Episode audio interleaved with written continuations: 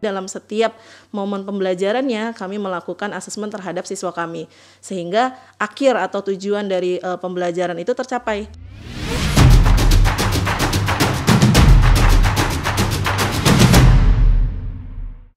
Halo Sobat Belajar, ketemu lagi di podcast di Dikdas dan Nikmen bersama saya Fitri Asari. Perlu kami infokan bahwa produksi podcast ini telah menjalani protokol kesehatan yang ketat. Nah, hari ini kita punya topik yang sangat menarik mengenai metode pembelajaran campuran atau blended learning. Sobat Belajar, seperti telah kita ketahui, di masa kenormalan baru ini, sejumlah sekolah telah melaksanakan pembelajaran tatap muka terbatas. Nah, banyak di antara sekolah-sekolah tersebut yang menerapkan metode pembelajaran campuran yang mengombinasikan pembelajaran tatap muka dan pembelajaran jarak jauh. Hmm, penasaran nggak sih gimana sekolah tersebut menerapkan metode pembelajaran campuran? Nah, biar nggak penasaran lagi, sudah hadir bersama kita Ibu Siti Lianawati, Kepala Sekolah SDT Nurul Islam Pondokopi Jakarta Timur, salah satu sekolah yang sudah melaksanakan PTM terbatas dan menerapkan pembelajaran campuran. Assalamualaikum Ibu Siti. Waalaikumsalam warahmatullahi wabarakatuh Bu. Apa kabar ini Bu? Alhamdulillah. Sehat baik. ya Bu ya? Sehat-sehat Alhamdulillah. Pagi yang cerah Insya Allah. Iya, iya. Sehat Insya Allah uh, semoga selalu sehat agar bisa selalu mendampingi siswa dan para guru ya Bu ya. Iya. Ibu, uh, ini kita mau dengar ceritanya dong Bu, mm -hmm. uh, mengenai pelaksanaan metode pembelajaran campuran di sekolah Ibu. Oh iya, sebelumnya uh, mau tahu dulu, ini sejak kapan sih Bu sekolah Ibu menerapkan uh, metode pembelajaran campuran ini? Kalau di sekolah kami sendiri melakukan pembelajaran campuran dimulai akhir Agustus 2021 ini Bu. Mm -hmm. Alhamdulillah sebagai salah satu sekolah piloting uh, PTM terbatas yang ditunjuk oleh suku dinas pendidikan DKI Jakarta setelah melalui prosedur yang cukup panjang ya kami mengisi asesmen kemudian mengikuti pelatihan uh, persiapan pembelajaran campuran dan akhirnya terpilih sebagai sekolah yang melakukan pembelajaran tatap muka. Hmm, baik baik. Nah uh, metode pembelajaran campuran ini kan harus dipersiapkan dengan sangat matang ya bu. Hmm. Nah pengen tahu dong bu cerita gimana sih bu persiapan sekolah untuk uh, pelaksanaan metode pembelajaran campuran ini? Iya, persiapan yang sudah kami lakukan dalam proses uh, pembelajaran campuran, mm -hmm. yang pertama memang kami harus mengenali karakteristik siswa kami terlebih dahulu. Kemudian kami harus mengenal karakteristik pembelajarannya. Mm -hmm. Lalu karakteristik tujuan akhir pembelajarannya hmm. seperti apa Baik. sehingga dengan keterbatasan waktu yang hmm. mungkin memang tidak selama uh, seperti sebelumnya, ya, betul. kemudian tidak senormal sebelumnya hmm. lah istilahnya, kami harus menyesuaikan hmm. pembelajaran tersebut sehingga anak-anak yang belajar secara online maupun yang datang ke sekolah hmm. dapat perlakuan yang sama dan hmm. mencapai goal yang sama tujuan pembelajarannya. Hmm. Karena kan memang uh, belum semuanya diizinkan ya Bu ya betul, oleh orang betul, tuanya betul, untuk betul. bisa hadir. Betul betul karena memang kan yang terpenting adalah kesehatan anak-anak terlebih dahulu. Jadi uh, kami tetap mengakomodir kemauan orang tua ada yang hadir ke sekolah hmm. maupun ada yang tetap belajar secara daring di rumahnya. Hmm, betul betul. Nah tadi kan persiapannya sudah baik nih Bu. Nah proses pelaksanaannya di lapangan seperti apa Bu untuk metode ini Bu? Proses pelaksanaannya sendiri uh, selama kami melakukan pembelajaran campuran, alhamdulillah sih lancar Bu Hmm. Itu semua juga pastinya dapat dukungan dari guru-guru. Yang terpenting hmm. adalah kesiapan guru-guru. Hmm. Kesiapan guru-guru, kesiapan orang tua dan siswanya itu sendiri. Jadi ketika tiga elemen ini saling bersinergi satu sama lain, saling berkolaborasi, insya Allah lebih lancar ke depannya untuk hmm. pembelajaran campuran itu sendiri. Hmm. Baik, tadi pelaksanaannya ibu ya. Nah, eh, tadi persiapannya sudah baik, pelaksanaannya sudah oke. Nah, yang tak kalah pentingnya juga metode penilaian atau asesmen ke peserta didiknya seperti apa Bu kalau metode Baik. pembelajaran campuran ini? Kalau di sekolah kami sendiri ya Bu e, bercerita tentang penilaiannya kami lebih banyak penilaian secara langsung gitu. Jadi bukan penilaian yang dilakukan di akhir. Jadi setiap pembelajaran kami melakukan penilaian baik secara langsung wawancara kepada anaknya, hmm. lalu ada pelatihan-pelatihan di situ, ada uh, banyak kegiatan kegiatan-kegiatan yang kami lakukan penilaiannya secara langsung. Jadi tidak di akhir pembelajaran gitu. Atau yang kami sebut dengan penilaian secara formatif mm -hmm. gitu. Jadi tidak hanya penilaian itu dilakukan di akhir semester atau mungkin di tengah semester, tapi dalam setiap momen pembelajarannya kami melakukan asesmen terhadap siswa kami. Sehingga akhir atau tujuan dari uh, pembelajaran itu tercapai. Mana yang perlu dievaluasi, mana yang akhirnya perlu ditingkatkan seperti hmm, itu. Jadi lebih cepat terlihat ya Bu ya betul, hasil betul. pembelajaran dari peserta didik itu. Betul, karena kalau misalkan penilaiannya hanya dilakukan di akhir, hmm. uh, khawatir nanti analisanya hmm. uh, kurang tepat dalam pendampingan siswanya. Jadi hmm. sangat penting sekali sekolah atau di sekolah kami khususnya itu melakukan penilaian setiap harinya kemampuan anak sudah sejauh mana, kemudian materi yang uh, disampaikan oleh guru apakah sudah tercapai atau belum. Hmm, baik baik. Uh, nah sekarang dari pihak sekolah sendiri melihat kesiapan peserta didik itu seperti apa Bu? Maksudnya apakah peserta didik itu langsung bisa mengikuti dengan baik atau bahkan atau malah justru mereka uh, butuh waktu lebih banyak ya untuk beradaptasi karena kan mungkin ini bukan uh, sesuatu yang cukup baru buat mereka betul, gitu ya. Betul betul betul. Pastinya memang perlu persiapan karena sudah hampir kurang lebih dua tahun ya Bu gitu uh, kita melakukan pembelajaran secara daring kan gitu uh, anak-anak juga sudah lama tidak hadir ke dalam sekolahnya kan hmm. gitu jadi yang uh, kami perlu lakukan uh, materi-materinya adalah menyiapkan mereka untuk hadir kembali ke sekolah secara mental juga ternyata anak-anak perlu disiapkan karena sudah lama tidak berinteraksi dengan teman-temannya hmm, kan gitu. Hmm, Jadi antusiasnya itu jangan sampai mengalahkan protokol kesehatannya. Hmm. Itu harus kami siapkan. Kemudian yang kedua juga alhamdulillah anak-anak e, sejauh memang pembelajaran campuran yang dilakukan di sekolah, mereka sangat e, menikmati setiap proses pembelajaran yang ada kan gitu. Karena memang e, langsung berinteraksi dengan guru, langsung akhirnya uh, siswa dengan temannya juga saling berdiskusi satu sama lain hmm. gitu. Jadi hal-hal yang memang uh, mungkin di pembelajaran online belum uh, ada di pembelajaran campuran ini sudah muncul kembali. Hmm, baik. Nah, kalau pembelajaran campuran ini kan bagi sejumlah sekolah sesuatu yang cukup baru ya bu ya. Mm -hmm. Nah, enggak menutup kemungkinan akan muncul kendala-kendala dalam pelaksanaannya. Nah, dari sekolah ibu sendiri ada nggak bu kendalanya? Kendala sendiri ada sih Bu kan itu. Uh, yang pertama adalah bagaimana akhirnya kami kan tetap harus memfasilitasi anak-anak yang belajar di rumah tadi. Mm-hmm. Tidak hanya memfasilitasi anak-anak yang hadir ke sekolah. Mm-hmm. Bagaimana akhirnya pembelajaran anak-anak yang ada di rumah ini tetap tercapai nih tujuan pembelajarannya. Baik dari segi sarana prasarana, terutama uh, kami harus memikirkan uh, platform uh, yang kami gunakan untuk pembelajaran di rumah itu seperti apa. Gitu. Jadi Eh, kendala-kendala yang itu yang mesti kami harus minimalisir sekali sehingga tujuan pembelajaran yang ada di rumah bisa tetap tercapai sama dengan eh, anak-anak yang belajar di sekolah. Mm -mm. Kalau kendala dari sisi guru sendiri atau mungkin bahkan orang tua mm -mm. ada nggak bu?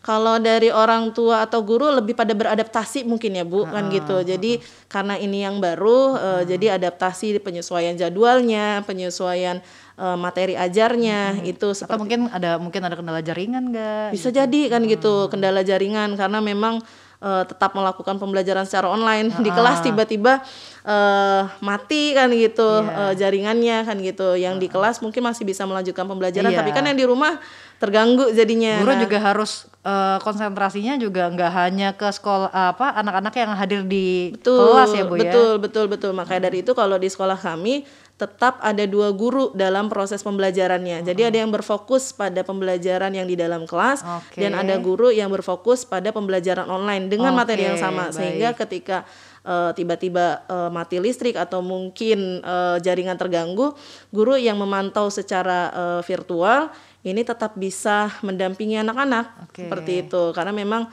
tadi uh, ini hal yang baru masih kami adaptasi jadi mm-hmm. uh, beragam hal-hal yang mungkin uh, bisa terjadi kita coba minimalisir mm-hmm. gitu jadi biar bisa jalan bareng dengan lancar tapi meskipun modanya beda gitu ya Betul. satu di rumah satu Betul. lagi di di sekolah hadir gitu. Karena kalau satu guru aja susah ya bu ya. Satu guru saja kami sih uh, terasa sulit ya kan uh, gitu. Karena lagi ngajar atau ini mati. Bu uh, ini bu, tidak mengerti. Kan yeah. kalau pembelajaran campuran uh, itu kan uh, memang uh, konsep yang kita pahami juga tidak menghalangi atau uh, yang di rumah tetap mencapai tujuan pembelajarannya tadi. Uh, Goalnya adalah tujuan uh, pembelajarannya tercapai. Jadi harus ada orang yang fokus juga untuk melihat situasi hmm, yang pembelajaran online. Hmm, dan baik anak-anak yang hadir maupun di rumah harus mendapatkan hak yang sama untuk memahami keseluruhan pelajaran kan ya dan Betul mendapat sekali. perhatian dari guru. Betul sekali gitu. Jadi eh, setelah pembelajaran eh, tatap mukanya, anak-anak pun diberi kesempatan kalau memang ternyata yang di rumah ada yang belum dipahami untuk berkomunikasi kembali kepada gurunya hal-hal apa saja yang memang belum dipahami kan seperti itu. Baik bu. Ah, Oke. Nah eh ke depannya kan metode pembelajaran campuran ini masih kemungkinan besar masih akan terus digunakan bu selama PTM terbatas ini. Nah apa sih bu eh, yang diharapkan sekolah manfaat yang akan didapatkan nih dari eh, metode pembelajaran campuran ini baik bagi peserta didik, guru maupun orang tua. Kalau manfaat yang kami eh, harapkan sih ke depannya kan gitu eh, bagi guru sendiri adalah ketercapaian tujuan pembelajaran. Gitu, ketercapaian tujuan pembelajarannya, materinya bisa sampai ke anak didik kami sehingga anak didik kami bisa mendapatkan haknya untuk mendapatkan pembelajaran yang sesuai dengan target kurikulum nasional. Seperti itu. Kemudian bagi anak-anak didik kami, harapannya semoga anak-anak didik kami bisa lebih nyaman dengan pembelajaran campuran gitu. Karena lagi-lagi ini adaptasi baru jadi segala sesuatunya harus disesuaikan.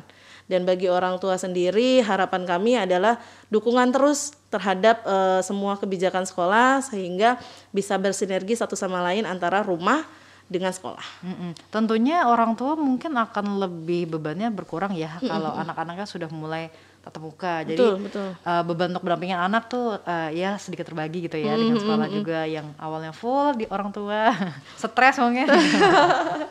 Baik, Sangat iya. bersyukur yang yang terjadi memang alhamdulillah antusias orang tua ketika ada eh, pembelajaran tatap muka ini sangat luar biasa kan gitu. Itu tanda kerinduan orang tua sepertinya untuk menghadirkan anak-anaknya ke dalam lingkungan sekolah.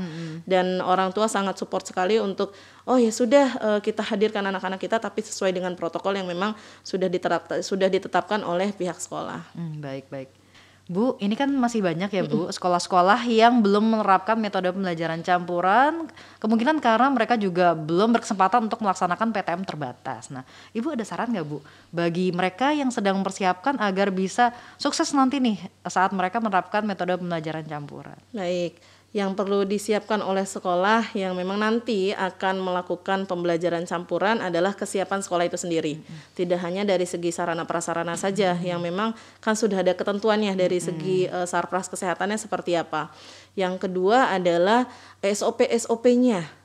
Maka SOP SOP bagaimana ketika anak hadir, ketika anak-anak berada di dalam lingkungan sekolah, ketika anak-anak kepulangan itu seperti apa. Terus yang ketiga adalah manajemen waktunya. Ketika eh, mengatur jadwal pembelajaran eh, yang PTM dengan yang akhirnya daring seperti apa. Hmm, Gitu. oke.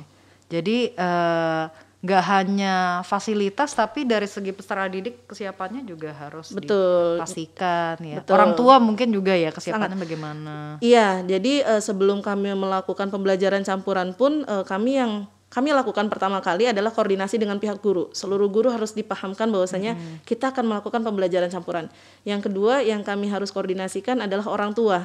Gitu. Jadi kami kumpulkan orang tua bahwasanya nanti konsep atau metode pembelajarannya seperti apa ketika pembelajaran campuran. Baru kita sosialisasikan ke siswa ketika mereka hadir di dalam sekolah. Jadi mematangkan dulu di dalam ya baru. Betul, betul, betul. Oke, iya. Lalu eh, yang terakhir nih Bu nih. Ini kan sebetulnya keputusan untuk eh, membuka sekolah, memulai PTM terbatas ini kan sebetulnya eh, yang paling utama juga keputusan pihak sekolah. Hmm. Nah, ini eh, gimana perasaan sekolah saat ini kita siap, udah siap belum ya? Menentukan akhirnya kita siap gitu untuk eh, melakukan PTM menerapkan pembelajaran campuran ini. Ini pertimbangannya apa sih, Bu?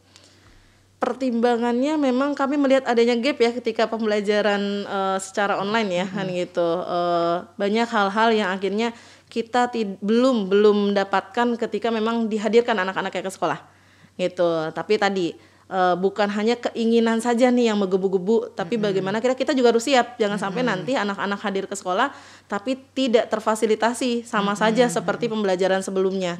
Jadi memang guru-guru sekolah harus membuat skenario yang cukup matang ketika memang menyatakan dirinya siap untuk melakukan pembelajaran campuran. Mm-mm, dan gimana gap-gap yang waktu itu ada saat uh, pure uh, jarak jauh itu bisa ter uh, diperbaiki, diperbaiki ya. betul Bu Saat gitu. Di, uh, tatap muka ini betul ya, betul betul karena kan kalau pembelajaran secara daring memang uh, tadi gangguan sinyal paling utama lah kan gitu. Hmm. ketika anak sedang mendiskusikan sebuah materi tiba-tiba putus sinyal entah di guru entah di siswa.